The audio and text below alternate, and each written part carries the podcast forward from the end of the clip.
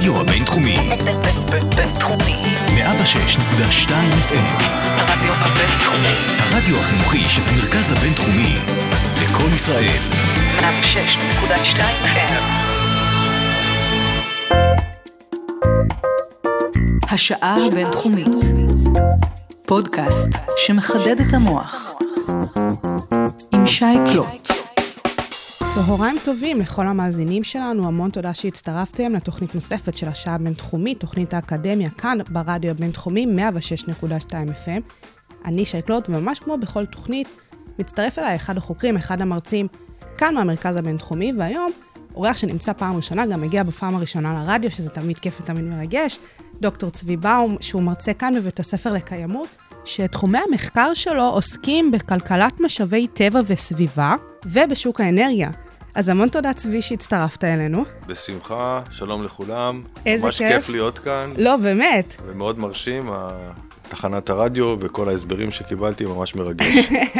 מושלם, אה, ואנחנו באמת נבלה פה גם שעה בתוך הכיף הזה, ואנחנו נדבר באמת על, אה, על התזה שלך ועל המחקר אה, שבעיניי היה מרתק, היה לי באמת אה, מאוד כיף ולמדתי המון מה, אה, מהזווית הזאתי, שזה קידום השימוש באנרגיות מתחדשות אה, במשקי הבית. שיש פה המון המון נושאים, אנחנו נפרק אותם ביחד ונגיע גם לכל השורות התחתונות, שכל המאזינים שלנו יבינו בסופו של דבר מה הבעיה שהצגת ואיזה פתרונות העלית, וגם באמת שהפתרונות האלה עבדו, שלפעמים זה קצת משהו שאנחנו מתקשים להבין. אז באמת, לפני הכל, אתה הגעת לתחום הזה של כלכלת אנרגיה מכל מיני תחומי, אה, תחומים אקדמיים שונים ומשונים ומגוונים. אז אני ממש אשמח לשמוע על הדרך שלך עד שהגעת באמת לתזה הזאת הספציפית. אה, אכן, אה, יש לי רקע די מגוון. אני התחלתי בתחומי הנדסה, בטכניון, הנ- הנדסה אזרחית והנדסה גרעינית, והייתי עתודאי, ואחר כך המשכתי את דרכי בארצות הברית. עשיתי תואר שני במנהל עסקים, MBA באוניברסיטת UCLA, אה, בחוף המערבי בארצות הברית. הרבה ואחר- שמש. הרבה שמש וכיף, ואחרי זה המשכתי אה, והשלמתי תואר ראשון ועשיתי תואר שני במדעי המחשב. אוקיי. ואז אה, יצאתי לתעשייה ועבדתי לא מעט שנים בארצות הברית, בהתחלה בח- בחוף המערבי, ואחר כך עברתי עם אותה חברה לחוף המזרחי, אבל תמיד אה, ישראל כמובן הייתה אה, בזיכרוני וברצון שלנו כמשפחה לחזור, ואכן חזרנו. אה, ופה השתלבתי בתחום ההייטק בישראל, נכנסתי לאיזושהי חברה ואחר כך הקמתי חברה כסטארט-אפיסט, והייתי הרבה, הרבה מאוד שנים אה, כאיש פיתוח בכיר ואחר כך כמנהל מוצר ומנהל חברה אה, בתחום ההייטק. ובשלב מסוים אמרתי שאני רוצה קצת לתרום אולי לסביבה ולחברה, וגם אה, דגדג לי קצת במרכאות לחזור לאקדמיה, כי זה תמיד תחום שאהבתי, והחלטתי שאני מסיים אה, את דרכי בהייטק, זה היה משהו לפני, משהו כמו לפני אה, 12 שנה, כשקיבלתי את ההחלטה. ואז אה, באוניברסיטת חיפה אה, עשיתי דוקטורט. במחלקה שעוסקת שם במשאבי טבע וסביבה, עם התמקדות בתחום האנרגיה. אה, כיוון שראיתי יכולת לנצל את הידע שלי במדעי המחשב ובהנדסה, ותחום האנרגיה יש לו אספקטים הנדסיים, אז אה, מצאתי בזה שילוב טוב. וככה אה, נכנסתי לתחום הזה והגעתי לעניין הזה של אנרגיה, ושם כמובן גולת הכותרת היא אנרגיה מתחדשת. מדוע? אה, כי כולנו מנסים, או רובנו מנסים להתמודד אה, או לחשוב על הנושאים של אה, שינויי אקלים והתחממות גלובלית, ודרך חשובה כדי להתקדם בתחום הזה, זה באמת לקדם אנרגיות מתחדשות, ושם יש לנו לא מעט אתגרים, והחלטתי שאני אנסה לקחת איזשהו אתגר ולהתמקד בו. להתמקד בו ולפתור אותו. ולנסות לפתור אותו, או בוא נגיד לתרום לפתרון שלו. לתרום לפתרון, ובאמת, כמו שאתה הצגת בעצמך, הדרך שלך הייתה מאוד מגוונת, מאוד רב-תחומית. אתה מרג- מרגיש שבסופו של דבר הרב-תחומיות הזאת עזרה לך לפתח את המחקר ובאמת אה, להתעמק בו בצורה שאולי אה, שונה מאשר מישהו שמגיע ממסלול קצת, אני אומרת במרכאות, חד-גוני, אה, ספציפי. אה, שאלה מצוינת, אני ממש אה, מאמין אה, ברב-תחומיות, כי מסתבר שאפשר לשאול פרדיגמות מתחום אחד ולהעביר אותם לתחום אחר. רואים את זה בהרבה מחקרים, שלמשל מתמטיקאים מגיעים לגנטיקה ויש מעבר. וזה יכול להיות מאוד פורה אם אתה עובד בסביבה כזאת מולטי דיסציפלינרית, וכמובן שאם לך יש אה, רקע בתחומים שונים, זה הרבה פעמים יכול להפרות אה, את החשיבה ואת הרעיונות ולהביא ליצירתיות. ובכלל, אני כדרך חיים מאוד אה, מתעניין בהרבה תחומים, גם בתחומים ההומניים, פילוסופיה, פסיכולוגיה. אה, סקרנות כזאת להכיר וללמוד, אה, ותמיד יש את המאבק איפה להשקיע את הזמן, אבל התשובה היא כן, אני רואה בזה בהחלט אה, יתרון. ובאמת, כמו שאתה אומר, כל מיני תחומים מעניינים אותך, וממש רואים את זה במחקר, אנחנו נתעמק בו לאט-לאט, ואני בטוחה שהמאזינים בסוף השעה יבינו כמה תחומים משולבים פה בתוך המחקר הזה. אז בואו פשוט נתחיל לדבר עליו, וכמו שהצגנו בפתיח, וכמו שאתה אמרת בעצמך, התחום הוא מתעסק אה, בסיפור של קידום שימוש באנרגיות מתחדשות. אה, אז אולי לפני הכל נסביר בכלל מה זה אומר אנרגיות מתחדשות. כן, אז אה, אנרגיות מתחדשות, אנחנו היום מצויים, ב, הייתי אומר, משבר גדול בתחום האנרגיה. עיקר האנרגיה היום הוא עדיין אנרגיה פוסילית. אנרגיה פוסילית זה אנרגיה שהיא... אנחנו אה, מוציאים אותה מבטן האדמה, מפוסילים, מבעלי חיים, אנחנו מכירים, זה הנפט והפחם והגז, אה, שליוו את המהפכה התעשייתית ונתנו לה את היכולת להתפתח, אבל אה, עם השנים גילינו שיש כמובן מחיר כבד לשלם, הפליטות של פחמן דו-חמצני וגזים אחרים, יש להם מחיר סביבתי מאוד כבד. אה, אולי הבולט מכולם היא ההתחממות הגלובלית, או מה שאנחנו קוראים שינויי אקלים, אה, שחייבים אה, לתת על זה את הדעת, ואני שמח, בסוגריים, שעכשיו נשיא ארה"ב ביידן חזר לעניין הזה, והוא רואה בזה אחד מהיעדים החשובים של הנשיאות שלו, והוא למעשה את ה... הייתי אומר... הנסיגה המסוימת שהייתה בימי טראמפ, עכשיו, שפחות האמין בנושא הזה, עכשיו אנחנו חוזרים לשם. ואני חושב שיתר העולם גם, אה, הוא עכשיו לא מזמן עשה ועידה, אה, הוא מאוד מקדם את העניין הזה, כי יש לו חשיבות עצומה, הדאגה לדורות הבאים. בבית ספר הקיימות, שבו אני אה, שותף בין המרצים, בעצם עוסק בתחומים האלה של קיימות. אז לחזור לתחום האנרגיה, הייתי אומר ששני האתגרים החשובים, קודם כל, המשמעות של השימוש בדלקים הפוסיליים, mm-hmm. הזיהום הסביבתי והתרומה להתחממות הגלובלית, וגם המשאבים האלה מצומצמים. וצריך לתת לזה מענה, כי הצריכה של אנרגיה בכדור הארץ הולכת ועולה, משני טעמים האוכלוסייה גדלה בקצב, אבל צריך לזכור שיש פה גורם נוסף, לא רק שהאוכלוסייה גדלה, חלק גדול ממנה משפר את רמת החיים בצורה משמעותית במדינות המתפתחות, במזרח אסיה, במדינות בדרום אמריקה, בהרבה מדינות רמת החיים עולה, זאת אומרת, צריכת אנרגיה עולה, זאת אומרת, גם האוכלוסייה גדלה וגם צריכת האנרגיה אה, עולה בשל עלייה ברמת אה, החיים, ולכן אה, נצטרך לתת לזה מענה, וכמובן הפגיעה בכדור הארץ, ולכן הכיוון המסתמן הוא להשתמש באנרגיות מתחדשות. הן מתחדשות בעצם העובדה שבטבע הן באופן טבעי מתחדשות, למשל אם אנחנו מנצלים את הרוח, אה, לטורבינות רוח, הרוח מתחדשת כל הזמן, זה לא, אין לנו, אה, זה לא משאב מתכלה, זה משאב מתחדש, וזה בדיוק ההבחנה. מתכלה זה שיש לנו כמות סופית. למשל נפט, יש תהליך איטי כמובן שהוא נוצר, אבל זה אלפי ועשרות אלפי שנים. מכל בחינה פרקטית הוא למעשה כמות מוגבלת. נכון שעם הזמן משפרים את השיטות להפיק את הנפט, והיום מפיקים אותו גם מפצלים ומחולות ביטומנים, אבל עדיין הכמות היא סופית. אז אנחנו מחפשים משהו שהוא מתחדש בטבע, ודבר שני, אנחנו מחפשים משהו שהוא הרבה פחות פוגע בסביבה. וזה למעשה העניין הרב שיש באנרגיות מתחדשות. אה, אז קודם כל, מבחינה פיזיקלית, אם מסתכלים על כמות, על, על הקרינה של השמש שמגיעה לכדור הארץ, אם נצליח לרתום אותה אה, לצרכים שלנו, יש די ויותר להרבה מאוד שנים לספק את כל צרכי האנרגיה. כמובן שהאנרגיה האתגר כאן הוא לרתום את אותה קרינה ולהפיק ממנה בצורה יעילה חשמל, אבל מבחינה פיזיקלית לפחות, קרינת השמש, מקור החיים שלנו בכלל, יש בה הרבה מאוד אנרגיה שאפשר יהיה לנצל אותה. כמובן שיש לזה הרבה משמעויות הנדסיות, ונדבר על זה, ואנרגיית רוח, שהרוח אה, כנראה לא תיפסק, אנחנו מקווים, יש לה תפקיד חשוב בכלל בטבע, וממנה אפשר להפיק אה, אנרגיה, ואני חייב להגיד שיש עוד סוגים של אנרגיות מתחדשות. אה, גיאותרמי ושורה שלמה של גלי ים וכל מיני דברים אחרים. אבל היום הטכנולוגיות שהייתי אומר, הן כבר הגיעו לרמה של בשלות, והן מובילות אה, בתחום הזה של אנרגיות מתחדשות, זה בעיקר אנרגיה סולארית, מפיקים מקרינת השמש אנרגיה והרוח. יש עוד אחרות, אבל פחות, אה, הייתי אומר, מעניין לדבר עליהן בשלב הזה, כי הן פחות בשלות, הן מבחינת הטכנולוגיה והן מבחינת המחירים.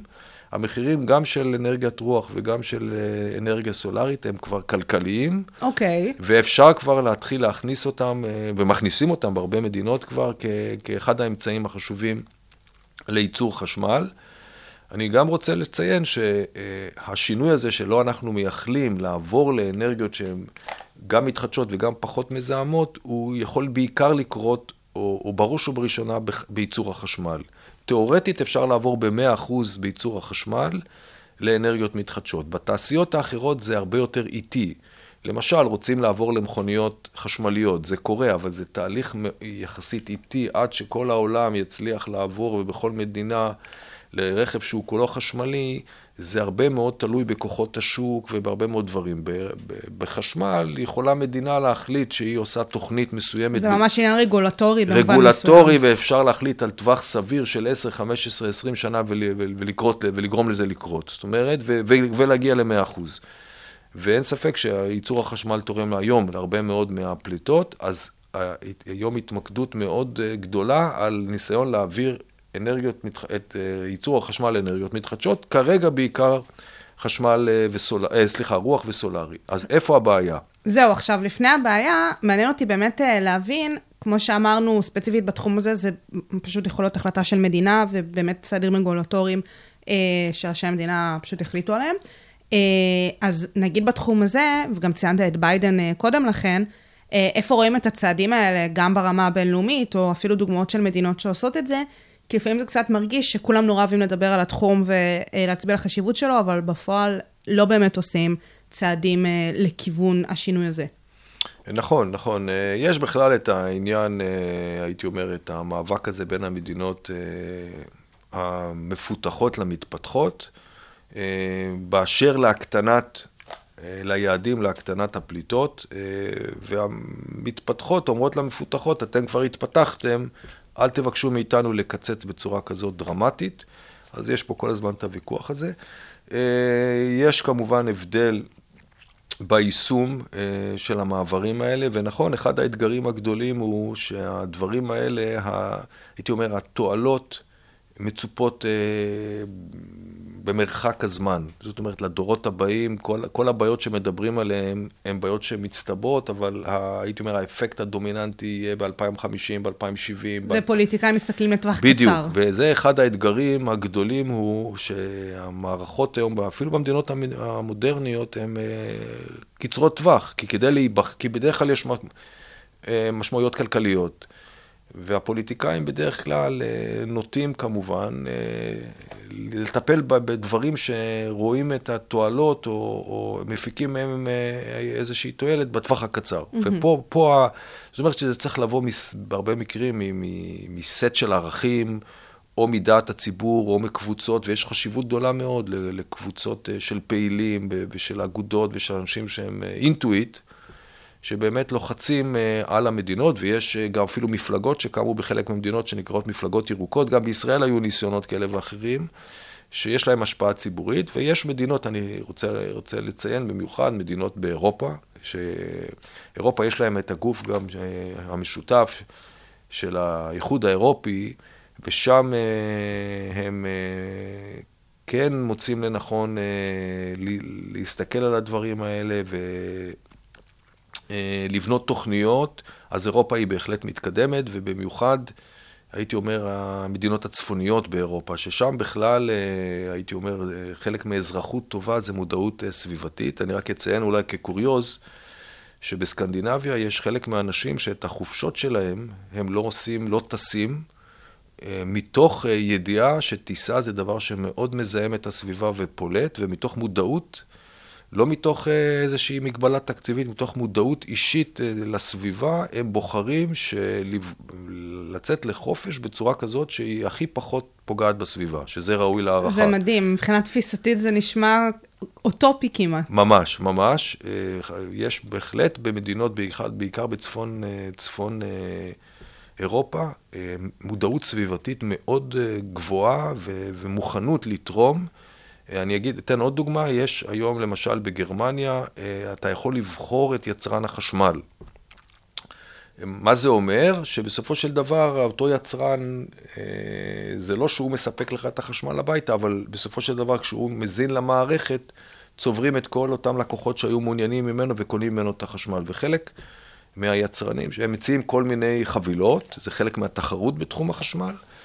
וחלק מהם אה, למעשה הם אה, יצרנים שמסתמכים על אנרגיה ירוקה, אנרגיות מתחדשות, ומסתבר שחלק מהציבור מוכן לשלם אפילו פרמיה מסוימת, לשלם קצת יותר על חשמל, בידיעה שהחשמל הזה מגיע ממקורות... שהוא יותר נקי, יותר, יותר ירוק. נקי, יותר ירוק, יותר נקי, שזה גם ראוי להערכה, מוכנים לשלם יותר בידיעה שהם תורמים לסביבה. שזה באמת, אה, ושוב, זה תלוי במודעות סביבתית ובגופים. ובחינוך. ובחינוך, לגמרי, לגמרי, לגמרי, אין ספק. אז אה, באמת אתה מספר פה על מספר דוגמאות שהן אה, כמעט חלומיות. וגם המחקר שלך רוצה להוביל בסופו של דבר לשינוי ההתנהגות במובן הזה. אבל אנחנו נחזור לסיפור של האתגרים בשימוש באנרגיות מתחדשות, שהתחלנו לדבר על זה ממש לפני שהדגמת לנו על מדינות שבהחלט עשו איזשהו שינוי בתחום. אה, אז באמת אה, פירטת ממש לפני כמה דקות על הסיפור שבכלל מה זה אנרגיות מתחדשות ומה ההבדל בין אנרגיות מתחדשות לאנרגיות מתכלות, אבל גם אה, באנרגיות מתחדשות יש אתגרים כאלו ואחרים שראוי לדבר ולהרחיב עליהם. כן, אז אני רק אגיד בסוגריים שגם כמובן לאנרגיות מתחדשות יש השפעות סביבתיות, mm-hmm. וצריך לקחת אותן בחשבון. אה, וזה כלכלני סביבה יודעים לעסוק בזה, אני רק אתן איזה שהם, אה, הייתי אומר, נקודות אה, מחשבה. למשל, אם מסתכלים על טורבינות רוח, אז יש פגיעה, יכולה להיות פגיעה בנוף. בנוף, בבעלי החיים. בעלי חיים, לפעמים רעש, כל מיני דברים, ו- ואפשר לכמת את הדברים, אבל עדיין בגדול, כשעושים את זה נכון, הפגיעה הסביבתית היא הרבה יותר קטנה, ו- ותורמים הרבה מאוד לעניין הזה של ההתחממות הגלובלית או שינוי האקלים. זאת אומרת, רק אני רוצה להגיד שכשאומרים מתחדשות, צריך להבין שזה לא הכל מושלם וטהור. למשל, אנרגיה סולארית צריך הרבה מאוד שטחים.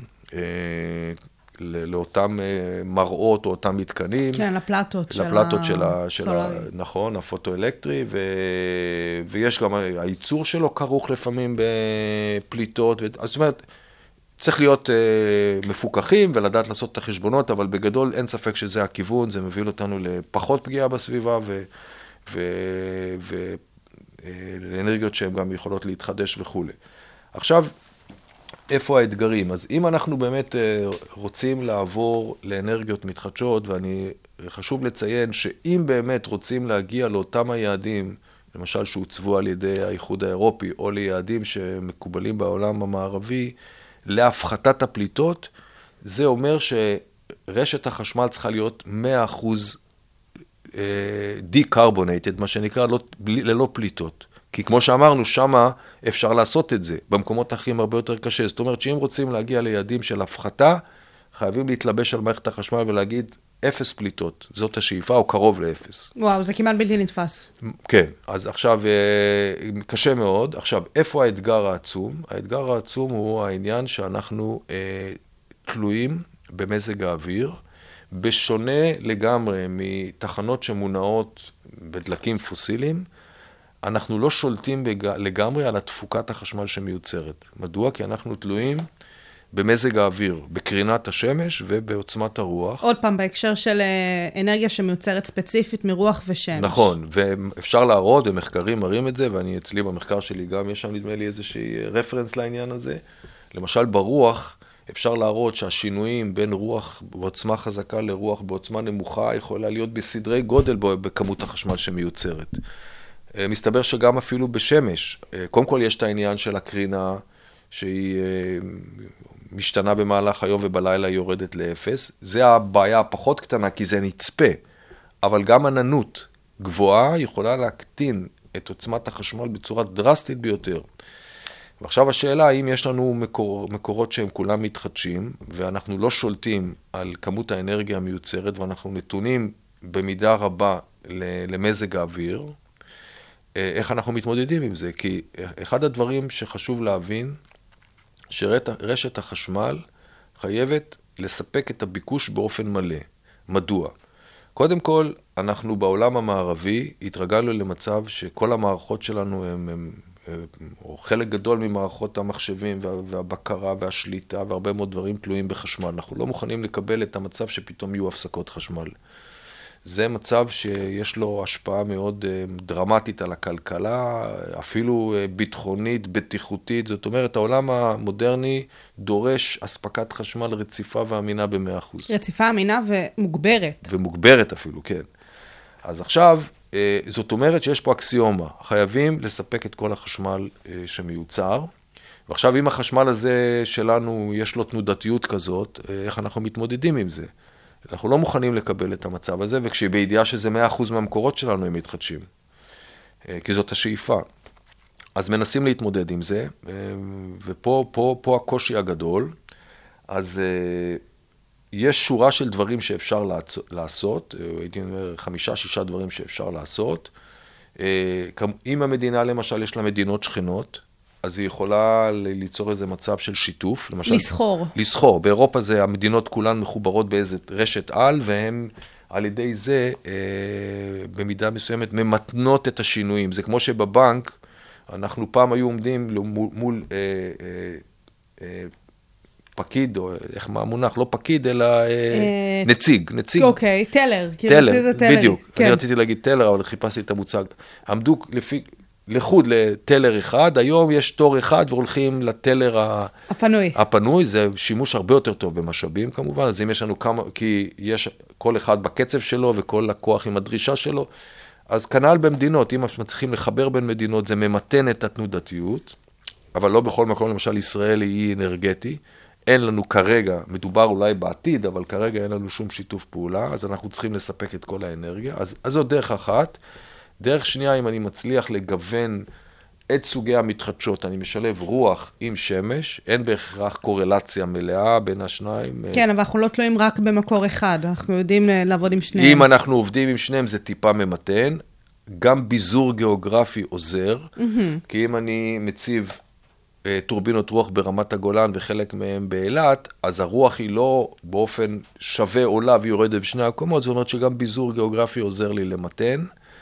אה, אני יכול אה, אולי אה, להסתייע במידה מסוימת גם בתחנות קונבנציונליות כדי לאזן, אבל שוב, פה צריך להגיד, זה חייב להיות מוגבל, כי אם כל האיזון שלי יצטרך להיעשות על ידי תח... תחנות קונבנציונליות... אז לא עשינו בזה כלום. לא בעצם. עשינו כלום, והראו מחקרים שהמודל הכלכלי ממש קורס, כי אתה מחזיק תחנות שלא מנוצלות. עם כל המשתמע, זה עלויות עצומות, כי אנחנו יוצאים, אה, שכרנו יוצא בהפסדנו, מה שנקרא, זה, זה בטח לא הפתרון, זה יכול להיות פתרון ברמה מסוימת קטנה. ואז נותרו עוד שני צעדים שהם בחזית המחקר היום. אחד, זאת אגירה. אה, חשוב להזכיר שחשמל אה, הוא אחד מהמוצרים שאי אפשר לאגור אותו, נכון. במושג הרגיל. מוצרים אחרים שיצרן מייצר משהו, אז הוא אה, במידה מסוימת יכול אה, להחזיק במחסנים ואיכשהו לאזן את הביקוש מול ההיצע כשהוא מייצר. כמובן שיש לזה משמעויות ומנסים להוריד מלאים, אבל, אבל עושים את זה. בחשמל אין את הדרך הזאת, ולכן זה משהו שמתחיל להתפתח, זה הגירה של אנרגיה.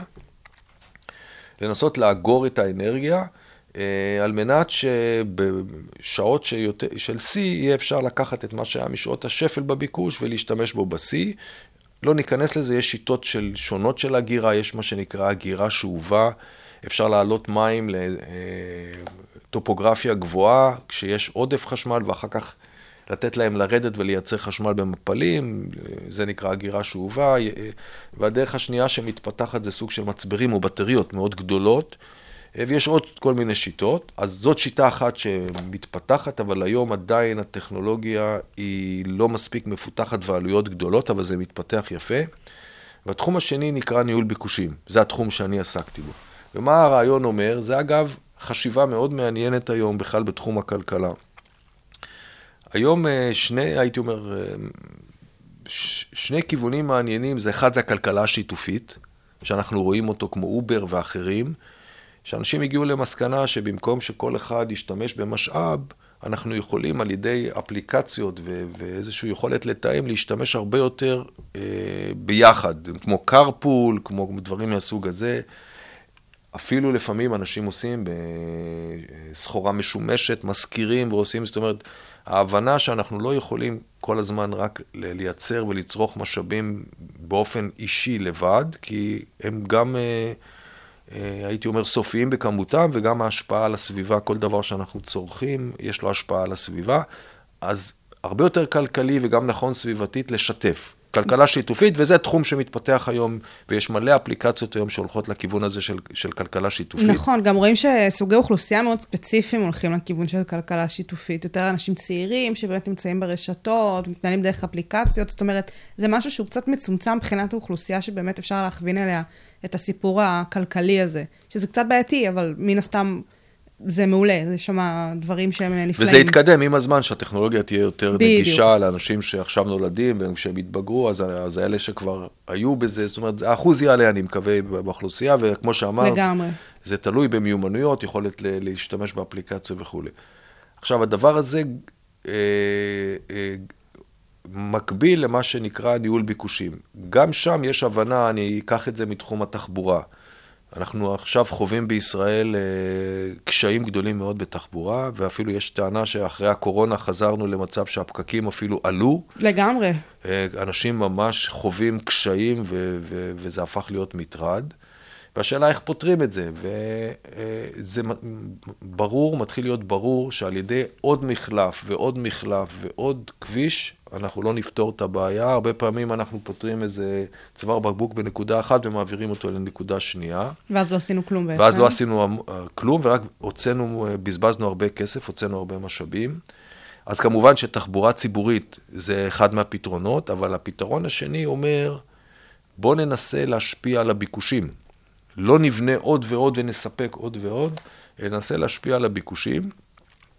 מה זה אומר? אנחנו יודעים שיש שעות מסוימות שיש עומס שיא, אנחנו יודעים בבוקר שכולם יוצאים לעבודה ובשעות מסוימות אחר הצהריים. אם נוכל להשפיע על חלק מהאנשים שיש להם גמישות, לא לצאת בשעות האלה ולצאת בשעות אחרות, אנחנו מגיעים לשימוש הרבה הרבה יותר מושכל בתשתיות, ואכן יש כאלה ניסיונות, ואפילו בישראל היה ניסוי כזה שמנסים לתמרץ אנשים שנוסעים על הכבישים בשעות שהן לא שעות שיא. ואפשר לעשות את זה על ידי מקל או גזר, לא חשוב באיזה שיטה. מס גודש, שעמלות כאלה, כן, כן יש... או אפילו תמריץ למי ש... ואפשר לעשות חיישנים, ויש... טכנולוגיות יש שונות, שבהן מנסים, לה... הייתי אומר, במרכאות, לעצב את הביקוש, להשפיע על אנשים שיכולים להזיז את הביקושים שלהם, כדי להשתמש בתשתיות הרבה יותר טוב. וזה באמת אמ, גורם ליעילות הרבה יותר גדולה, כי תחשבו על זה שכל התשתית של התחבורה עומדת בשביל שעות השיא, אבל הרבה, חלק גדול מהזמן לא צריך אותה. נכון. אם היינו מזיזים קצת את הדימן, את הביקוש, היינו מגיעים לשימוש הרבה יותר טוב. זה העניין, זה, זה התפיסה החדשה של ניהול ביקושים בתחום התשתיות הציבוריות, שהיא גישה חכמה מאוד, ששוב, באה מתוך הבנה שאנחנו לא יכולים להשקיע ולהשקיע ולהשקיע, רק כדי לענות על הצרכים בשעות השיא. אה, וכאן אנחנו חוזרים לעניין הזה של אה, חשמל. אז הנושא הזה של ניהול ביקושים כבר קיים לא מעט שנים בעולם הישן של החשמל, שבו ניסו להזיז אנשים, ידעו למשל שימים מסוימים בקיץ, אה, שבו שיא הביקוש, או ימים מסוימים בחורף, בקרה, והיו כל מיני תוכניות שנתנו תמריצים לאנשים באותן, באותם זמנים לא להשתמש. או להזיז את זה, או יש אפילו חברות שמפעילות גנרטורים. שמקבלות כל מיני תמריצים כדי להתמודד עם זה. אבל הבעיה שלה, זאת, זה היה בעולם הישן, שידעו לחזות מתי יהיו הביקושים. כי ידעו למשל שבערב אין מפעלים, אז הביקושים יותר נמוכים וכולי. הבעיה... אבל יעלו במשקי הבית, לצורך העניין. ירדו כן. בתעשייה, אבל יעלו במשקי הבית. כן, כן, בדיוק. אבל הבעיה שאנחנו מתמודדים איתה, פה יש איזו הבחנה דקה שצריך להבין, היא בעיה אחרת. היא בעיה שאנחנו מתמודדים עם משהו אקראי.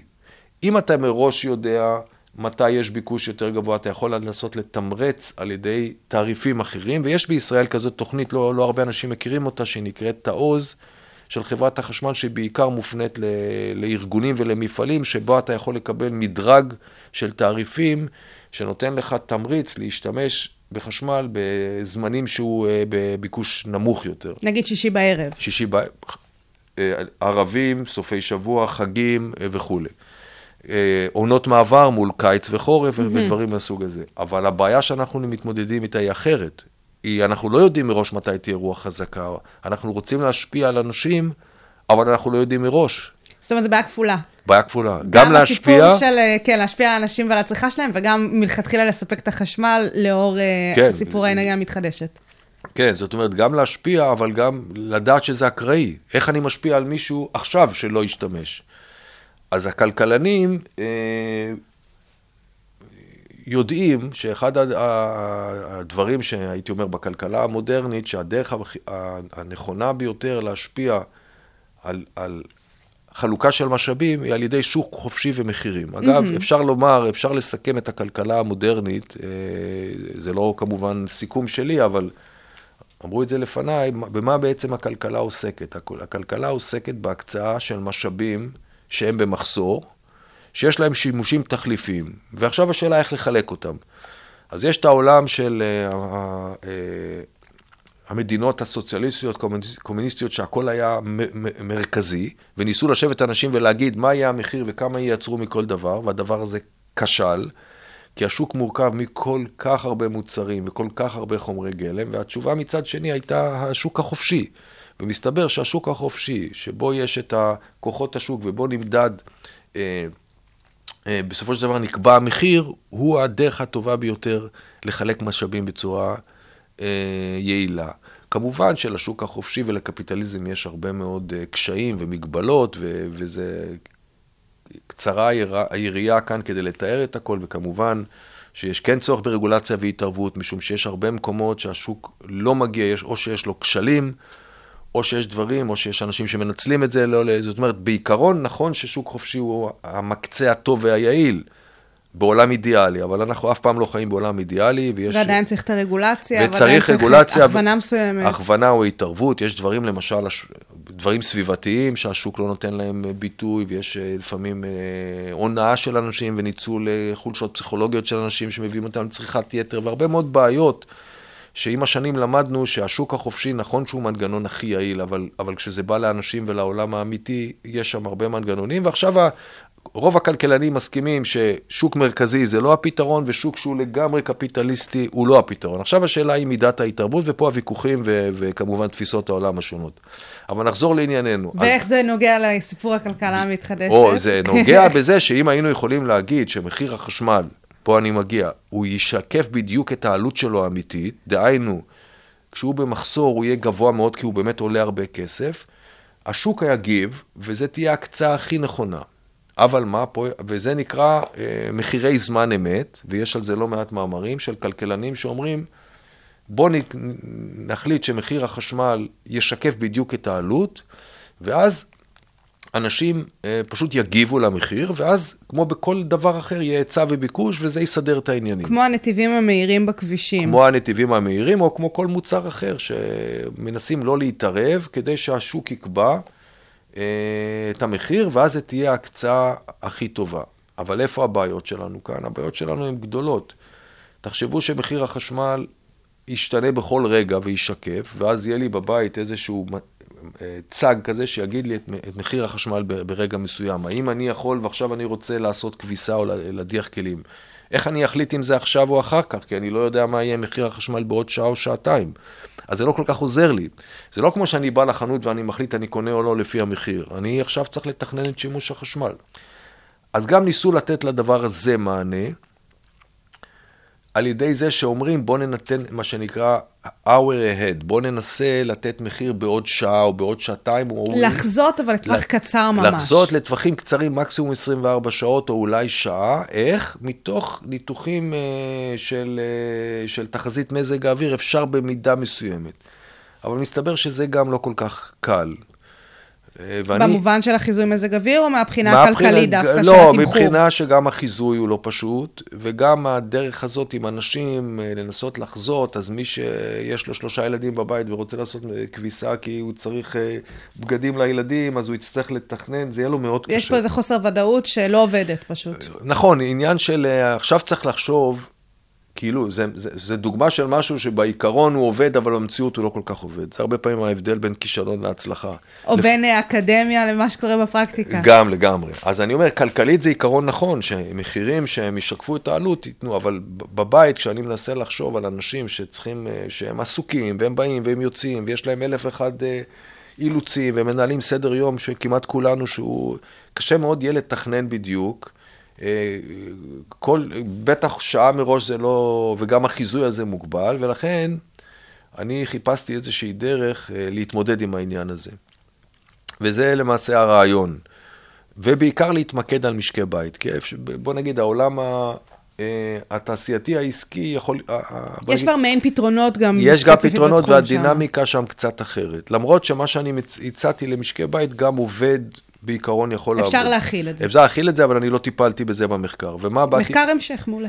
כן, לא, אגב, תמיד במחקר, אחד הדברים שצריך בסוף לומר, זה אחד, מה... מחקרי המשך. בדיוק, מה המגבלות של מה שעשיתי, להיות צנוע, אה, וגם מה אני ממליץ אה, להמשך. זה כמעט כל מחקר שמכבד את עצמו. פעם תמיד. הבאה, פעם הבאה. כן, כן. כן, זה גם צריך לזכור שתמיד, אה, גם תלמיד שהוא במאסטר, או בתואר שני, או בדוקטורט, ההיקף, ה scope הוא תמיד מוגבל. נכון. במשאבים, ביכולת של אדם אחד, כי מחקרים לפעמים נעשים על ידי עשרות אנשים. אז נחזור לענייננו. אמרתי, בואו נציע פה קונספט חדש, ממש חשיבה מחוץ לקופסה, ונגיד, החשמל, אנחנו רגילים כחשמל שאנחנו באים לתקע, מכניסים, ויש חשמל, והוא תמיד אותו דבר, וזה איזושהי רמת שירות, בהנחה שהוא מתפקד, אה, קבועה. אמרתי, בואו נתחיל לחשוב על חשמל באופן אחר לגמרי, נחשוב עליו כעל רמות שירות שונות. עכשיו, אם אנחנו מסתכלים בבית על uh, משקי הבית, יש לנו צריכה קצת שונה מבחינת המאפיינים של הדברים השונים. יש דברים שאנחנו צריכים אותם תמיד עכשיו ומיד. אם אני בא הביתה בלילה ואני מדליק את החשמל, את התאורה, אני חייב שהיא תהיה. נכון. ואם- וי-פיי צריך. וי-פיי אני חייב שיעבוד, ועוד שורה של דברים שאני חייב שהם יהיו באותו רגע. אבל יחד עם זאת, אם מסתכלים, יש דברים שעקרונית הם לא חייבים להיות באותו רגע. למשל, אם אני רוצה להדיח את הכלים, יכול להיות שאני יכול לצבור את הכלים ולהדיח אותם בערב, נכון. וגם אולי בחלק בכביסה ו... ו, ו או לייבש שיער, או להטעין אה, חלק מהמוצרים החשמליים נכון. שלנו. ואז יש מה שנקרא white appliances, מוצרים לבנים, ואם חושבים על זה, כל, זה מה שמופיע במחקרים, ה-white appliances זה, הם ניתנים להזזה או לבקרה מסוימת. למשל, אפילו מזגן או מקרר, אפשר לבוא ולהגיד שאם אני, אני רוצה טיפה להוריד את הצריכה, אני יכול לחיות במצב שאם המזגן שלי הוא עכשיו על 24 או 23, אני יכול לרבע שעה שהוא יהיה על 24 ואחר כך יחזור ל-23. גם שם אני יכול להוריד את הצריכה, ומסתבר שאפילו במקררים אפשר טיפה, במסגרת בטיחות מזון והכול, אבל אפשר אפילו שם לשחק עם הצריכה. לסיכום, יש לא מעט, בטח מדיחי כלים, מכונות כביסה מייבשים ו- וכולי וכולי וכולי. זה על פי סקרי שוק, נכון? זה על אומרת, פי אה, סקרי שוק, אפשר להראות, וכן, שאפשר אה, או להזיז אותם, להסיט אותם, או לא, להקטין לט- לטווח מסוים את, ה, את כמות הצריכה. שזה, עכשיו, אז באתי ואמרתי, בוא ניקח את זה, ונציע לאנשים רמות שירות שונות של אה, חשמל, בידיעה שיש חשמל של כאן ועכשיו, שהוא החשמל הרגיל, אבל יש חשמל שלמשל אני יכול לבוא ולהגיד, אני לוקח רמת שירות B, סתם אני נותן דוגמה למדיח שלי, ואני מוכן שבמדיח שלי תהיה דחייה של עד שלוש שעות. כי בעצם מה אכפת לי אם אני מפעיל את המדיח, ואני אומר, אוקיי, מעכשיו לא אכפת לי שהוא יהיה בשלוש שעות הקרובות, יופעל באיזשהו טווח בשלוש שעות הקרובות. אני יכול להגדיר רמות שירות כאלה של עד שלוש שעות, עד חמש שעות, אה, שורה שלמה של אה, שירותים כאלה. אני גם יכול להגדיל למזגן רמת שירות שהוא עד רבע שעה יורד במעלה אחת, או עולה במעלה אחת.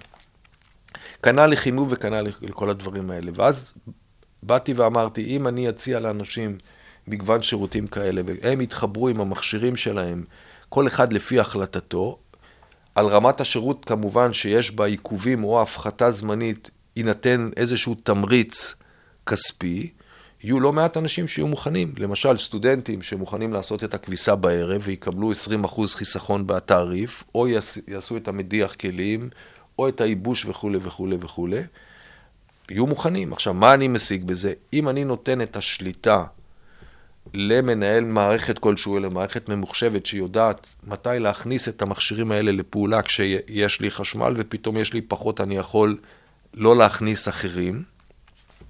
ואני אגיד שיש פה עוד רמת תחכום, כי היום יש מה שנקרא Smart Appliances.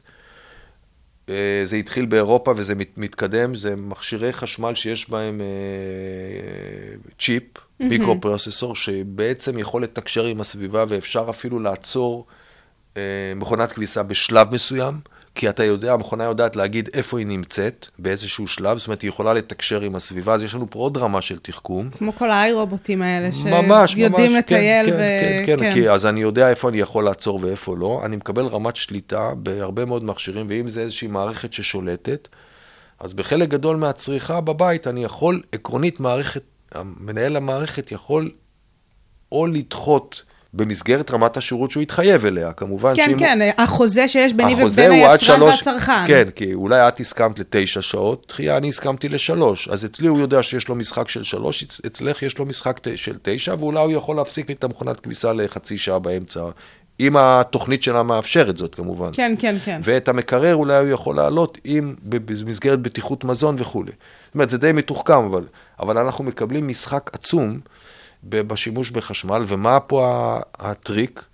שאני נותן את זה למנהל המערכת, אז הוא יכול להגיב, כי הוא בדיוק יודע מה קורה עם האספקת חשמל.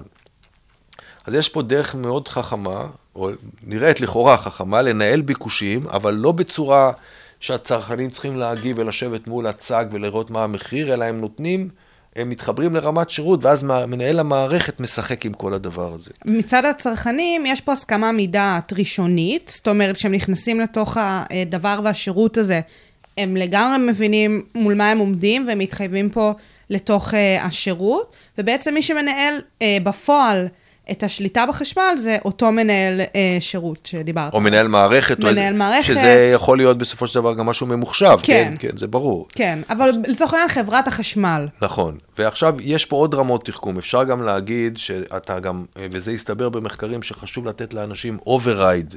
זאת אומרת, נניח שאני התחייבתי למדיח כלים שלי, אבל פתאום באו לי מלא אורחים ואני צריך את הצלחות. זה לא שאני, אז אני יכול לתת פקודה.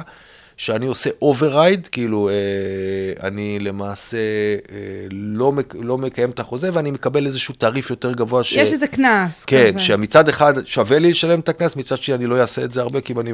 אתה לא כבול בצורה שאי אפשר לצאת ב- מהדבר הזה, אבל הכל ידוע מראש, זאת אומרת, נכון, זה לא, אין פה הפתעות לאף נכון, אחד מהצדדים. נכון, זאת אומרת, ש...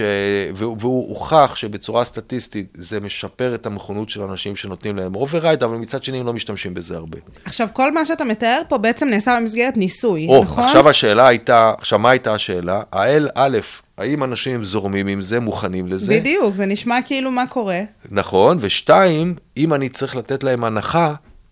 מה ההנחה? מה משתלם? מה משתלם, ושאלה, ובסוף, האם זה מבחינת ייצור החשמל בכלל כלכלי? בדיוק. אז מה שעשיתי, בניתי uh, למעשה סקר, uh, שנעשה דרך פאנל אינטרנטי, שזה אגב הדרך היום המתקדמת והמודרנית אה, לעשות סקרים. אה, אין לנו הרבה זמן לתאר, אבל זה הרבה יותר טוב מהעולם של פעם. עם הטלפון, עם או הטלפון, לבוא הביתה. נכון, כי יש, יש, יש איזה קבוצות שיש להם אינטרס, הם מקבלים איזשהו תגמול, ואתה יכול לצרף תמונות ולהסביר, ועולם ומלואו, והיום האקדמיה במידה רבה עברה לאינטר, לפאנלים אינטרנטיים. מתקדמת, עוברת הלאה באופן מפתיע. כן, לסקרים. זה, זה, זה קורה. ש... קפיצת מדרגה בסקרים. ובסקר הזה למעשה נתתי לאנשים, קודם כל שאלתי באופן עקרוני אם הם יהיו מוכנים, ואחר כך הראיתי להם לגבי כל מכשיר, mm-hmm. ושאלתי אותם, אם היית מתבקש, אותה או אותו, את, אה, אה, מי שהמחליט, decision maker באותו משק בית, אם היית, אם היה מצופה ממך למשל דחייה של, למדיח כלים של עד שלוש שעות, כמה היית מצפה, כמה אתה מוכן בכלל? אז אנשים אמרו שלוש, ארבע, חמש שעות, ותמורת זה איזה הנחה היית מצפה לקבל בתעריף החשמל. Mm-hmm. ואת כל האינפורמציה הזאת אספתי וניתחתי. מצד שני, בניתי אה, מודל סימולציה של אה, משק החשמל, שבו הכנסתי אנרגיות מתחדשות אה, ברמה משתנה, עשיתי כמה תרחישים של 30, 40, 50 אחוז, אה, ועשיתי אה, סימולציה של אה, התנודתיות הזאת. מצד שני, הכנסתי את רמות השירות שקיבלתי מהסקר לפי הסקרים ולפי התשובות של האנשים, איפה הם היו מוכנים וכמה, ונתתי לזה לרוץ. זאת אומרת, גם הקבוצות ביקורת וגם הקבוצות, וגם קבוצת הניסוי עצמה, הרצת את זה. הרצתי מודל שבו הוא משקף את המשקי הבית בישראל לפי הסקר, מבחינת כמה הם מוכנים. אה, מצד שני, עשיתי הדמיה של אנרגיה מתחדשת, וראיתי אה, כמה זה יכול למתן, זה לא פותר את הבעיה. מעניין אותי הסיפור של ההדמיה של האנרגיה המתחדשת, כי כמו שאמרנו, זה כל כך אקראי לפעמים. נכון. שקצת נכון. קשה לחזות מה הולך להיות. נכון, אז, אז היום מה זה... מה היה המודל? לא, זה המודל, שיש, המודל נותן פונקציות, אפשר למצוא, שמדמות רוח, זאת אומרת, היום יש סטטיסטיקאים, מתמטיקאים, אנשים, המדע פורח בתחומים האלה. טפו טפו. כן, כן, אתה פשוט יכול לד... לדמות את זה, אתה עושה מין פונקציה כזאת שהיא אקראית, מדמה יפה, ויש דרכים שונות, ולא רק זה. אז גם את המודל הזה. ובניתי למעשה מודל סימולציה, שזה גם ממש כיף למי שאוהב את זה, שמדמה את כל המכשירים, ואיך הם עובדים, ואת האנשים, ואת הצריכה, הכל נכנס למודל אחד. בנית מעבדה, בקיצור. בניתי מיקרו-קוסמוס של אה, צרכני האנרגיה, שזה כיף למי ש... והיום זה הכל גרפי כזה, מי שקצת נכנס לסימולציה, אתה וואו. יכול... זה, מי שהוא בתחום זה ממש כיף, אני ממש נהניתי מזה, כי זה משהו כזה כמו לבנות uh, תוכנית. לבנות עולם, כמו כן. סימס של אקדמיה. נכון, כזה. אתה נכנס לזה כאילו, ו... כמו משחק מחשב כזה. ממש. ואז נתתי זה לרוץ בתרחישים שונים, וראיתי uh, כמה אפשר, עכשיו, מה היה החישוב? ראיתי כמה, עכשיו, מה שלא הצלחתי למתן, אני חייב להגיד, רק בסוגריים, שדיברנו על השיטות השונות, השונות להתמודד עם זה, זה כן. כל, רוב המדענים מסכימים שזה יהיה שילוב. זאת אומרת, אנרגיה מתחד... אה, ניהול ביקושים לא יפתור את כל הבעיה, אבל הוא יכול למתן בצורה משמעותית ולתרום לצד הגירה, לצד דברים אחרים. מה שראיתי, כמה הניהול ביקושים שלי, עם נתוני אמת מהשוק, יכול למתן את הצריכה, ואמרתי, מה שאני לא, מה שחסכתי למעשה, מה חסכתי? אנרגיה פוסילית. כי אם לא הייתי יכול למתן את זה, הייתי צריך לאזן את זה על אנרגיה פוסילית. שאמרנו מקודם שזו שיטה שאנחנו לא רוצים להגיע אליה. לא רוצים, אליה. אבל אז אני אומר, ואז יכולתי לראות מה בדיוק חסכתי, גם בהוצאות ישירות וגם בפגיעה בסביבה, ורציתי לראות אם המודל הזה הוא גם כלכלי. ובדקתי כל מיני תרחישים, כל מיני תוכניות, אנחנו לא יכולים פה לתאר את הכל, אבל אני אגיד, התוצאות של המחקר היו מרתקות. קודם כל, בגדול, יש נכונות גבוהה של הציבור, שזה הפתיע, ללכת לפטנט כזה. משהו ל... כמו 85 אחוז, נכון? נכון, אם אתה שואל אנשים, בלי קשר עכשיו לאיזה תוכנית ספציפית, איזה, איזה תמריצים, בגדול 85 עד 90 אחוז מוכנים לשקול את זה. שזה נתון מטורף. מטורף. אם אנחנו נכנסנו רגע לשיחה שלנו, אה, לפני בערך 40 דקות, ודיברנו רגע על זה שזה תחום שמרגיש ש, שרק בעתיד יתחילו להבין כמה חשוב להיכנס לסיפור של אנרגיות מתחדשות, אז התחלנו באיזושהי פסימיות, אבל פתאום פה בתוצאות של הניסוי, הן מובהקות בהבנה של זה שאנשים מוכנים לקחת על עצמם את אורח החיים הזה. כן. זה אה, ממש ככה. כן, אגב, 15 אחוז, אם אני זוכר נכון, בסביבות היו מוכנים לעשות את זה בלי לקבל תמריץ. מי אלו? זה אותם אנשים עם מודעות סביבתית. שאמרו, אני מוכן ל... זה גם היה איזושהי שאלה בסקר. נכון. דירגתם את המודעות נכון, הסביבתית של המשתתפים נכון, בניסוי במידה מסוימת. נכון, ושאלנו אותם. אני, אני לא מבקש שום תמריץ, אני מבקש להם תמריץ של 10%, 20% וכולי, אז יש גם, אני לא זוכר את המספר, נדמה לי 10 או 15% שמוכנים בגלל מודעות סביבתית. יש הלימה בין המודעות הסביבתית לא, לבין כמות התמריץ שהם מוכנים לקבל. הם אומרים, אני מוכן לתרום את זה לחברה, אני לא רוצה תמריץ. אני לא רוצה, לא רוצה הנחה, כאילו, אני מוכן בלי הנחה, וכמובן, יתר רצו תמריץ, אבל זה בסדר.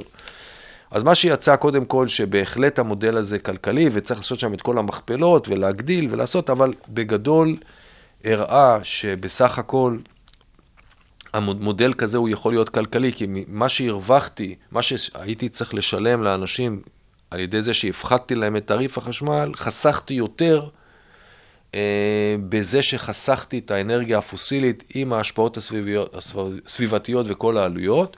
זאת אומרת שהמודל הראה שזה בהחלט אה, יכול להיות כלכלי. כמובן שצריך לסייג את זה, שזה עדיין היה... אה, מחקר ראשוני, והקבוצה היא כן, קבוצה... כן, ותנאי מעבדה. ותנאי מעבדה כמובן. לאורך ש... כמה זמן זה רץ? זאת אומרת, כמה זמן אנשים שהשתתפו בניסוי באמת... אה, לא, זה לא היה ניסוי, היה סקר. זה היה סקר, אוקיי. סקר, שאלו בו, הייתה שאלה עקרונית, תיארנו את המצב, האם תהיה מוכן או תהיה מוכנה, וכמה זמן מקסימום וכמה תרצה, זה כמובן.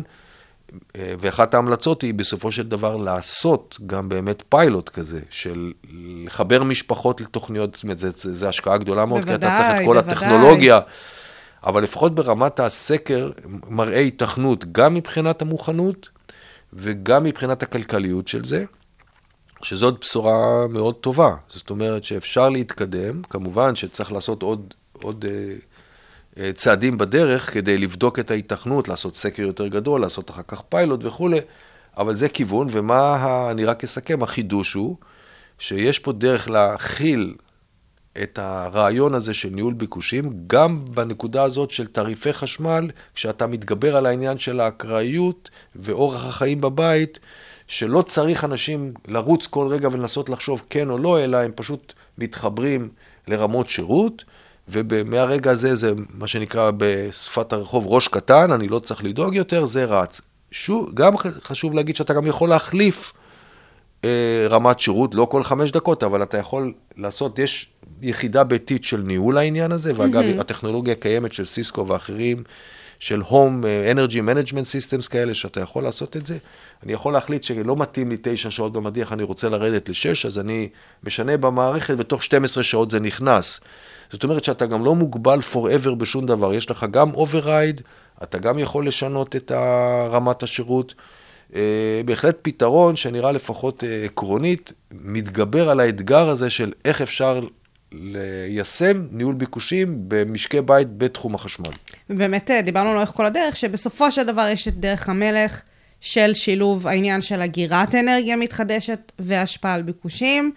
אה, שזה... וגיוון וביזור גיאוגרפי. ביזור, כן, יש אה, באמת מספר פתרונות שדיברת עליהם, אבל בסופו של דבר הסיפור של השפעה על ביקושים, אם בהתחלה חשבנו שזה משהו מאוד מאוד אמורפי ש...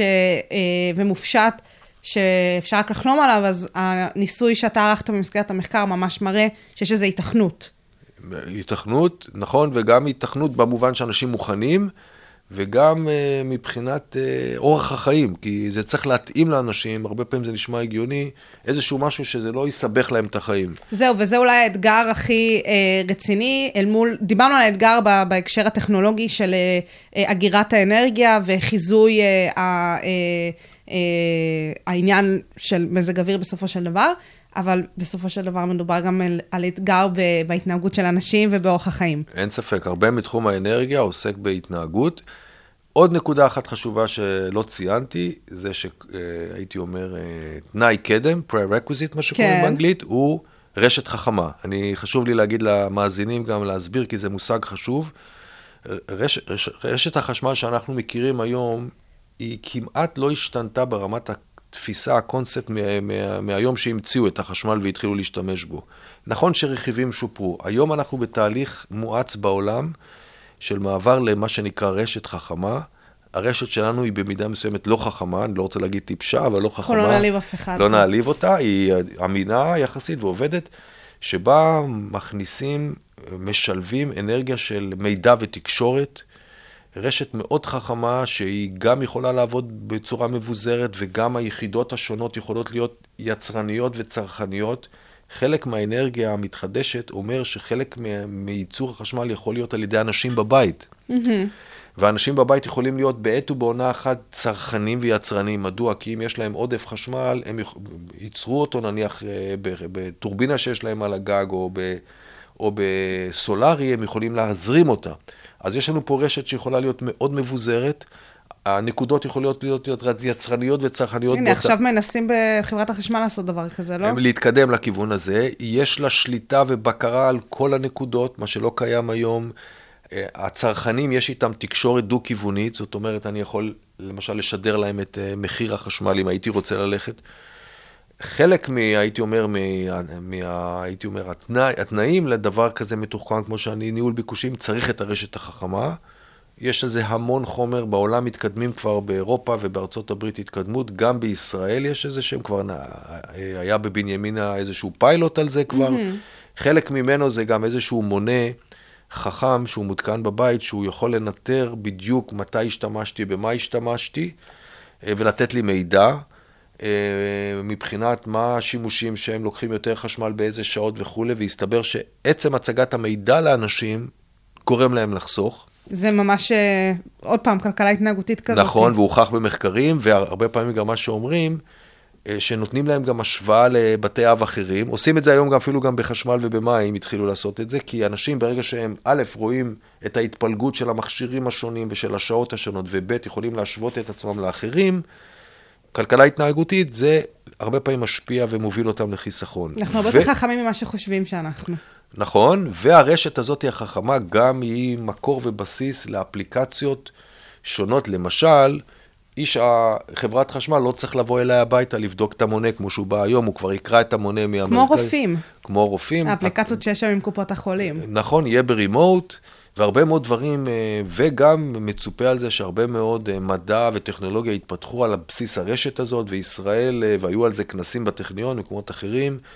יש לה, הייתי אומר, בסיס להניח שאנחנו נוכל לפתח פה הרבה מאוד טכנולוגיה על, על הרשת החכמה. אז כל מה שסיפרתי הוא גם באווירה הזאת של הרשת החכמה, אם תיכנסו לאינטרנט, תראו את המושג רשת חכמה או סמארט גריד, זה נקרא, תראו עשרות אלפי מאמרים. וזה לא חלום, זה חלום שמתחיל להתגשם בהרבה מדינות, זה כרוך אבל בהשקעות מאוד גדולות, וצריך להוכיח את ההיתכנות, וחלק מההיתכנות זה אפליקציות, למשל כמו ניהול ביקושים, שמצדיק את ההשקעות הגדולות האלה, אבל זה העתיד, זה האינטרנט של החשמל. של החשמל, זהו, אני תמיד מסיימת את התוכנית בנגיעה לעתיד, איזושהי ראייה קדימה, ואתה ממש אה, עשית את זה בעצמך, כי זה כמעט מתבקש, אה, כל השעה הזאת הייתה בסימן כזה של אה, מה הלאה, והיום שאחרי, וכל התחום הזה של אה, כלכלה ואנרגיה מתחדשת, אה, זה משהו שהוא נמצא בשיח, לא מספיק בעיניי, גם לא רק בעיניי, בעיניי המון אנשים שככה מתעניינים בתחום. ואני חושבת שבאמת אה, המחקרים האלה והעבודה פה ספציפית של בית ספר לקיימות כאן בבינתחומי, היא עבודה סופר חשובה, שבאמת הולכת לכיוונים הללו. ודיברנו קודם על מחקר המשך, שאתה לגמרי נמצא בתוכו, ומתישהו תגיע גם להתראיין ולספר עליו. אמ, ובעצם אנחנו עם זה נסכם את השעה הזאת, שהייתה מרתקת, לפחות עבורי, אני בטוחה שגם עבור המאזינים. אה, לימדה המון, באמת האירה זרקור על התחום הזה וגם על פתרונות אה, שיכולים להגיע ושלאט לאט אה, ההיתכנות שלהם הולכת וגדלה. ו... וזהו, אז אנחנו ניפרד, קודם כל ממך, מדוקטור צבי באום. על המחקר המרתק והשעה שהקדשת עבורנו, אז המון המון תודה. שמחתי, ואם הצלחנו באמת להעלות את המודעות וההיכרות של אנשים, אז תרמנו במשהו, אז כל מי שהקשיב, אני מודה לו, ושימשיך למה שנקרא, ל... לפעול בתחום ולשכנע אנשים נוספים, להעלות את המודעות לסביבה ולאנרגיות מתחדשות. חד משמעית, אמן ואמן, וגם באמת קצת אה, חומר למחשבה עבורנו, כמה אנחנו מוכנים להשקיע עבור הסביבה, ולדעתי אנחנו מבינים שאנחנו מוכנים להשקיע הרבה יותר ממה ש... חשבו עבורנו. וחייבים. וחייבים, זה כמובן. אה, אז המון המון תודה, צבי. בכיף, ממש נהניתי, ונקווה להשתמע בעתיד. חד משמעית, וגם אתם המאזינים, ניפרד גם אה, מכם ומכן. אה, המון תודה שהייתם והייתם איתנו כאן בשעה הזאת של השעה הבינתחומית, כאן ברדיו הבינתחומי 106.2 FM. את התוכנית הזאת, תוכניות נוספות, אתם יכולים למצוא כמובן באפליקציה, באתר של הרדיו הבינתחומי, וכמובן שגם בכל אפליקציות הפודקאסטים הקרובות לביתכם. אני הייתי שי קלוט, אנחנו ניפגש פה גם בשבוע הבא, שיהיה לכם המשך יום מקסים.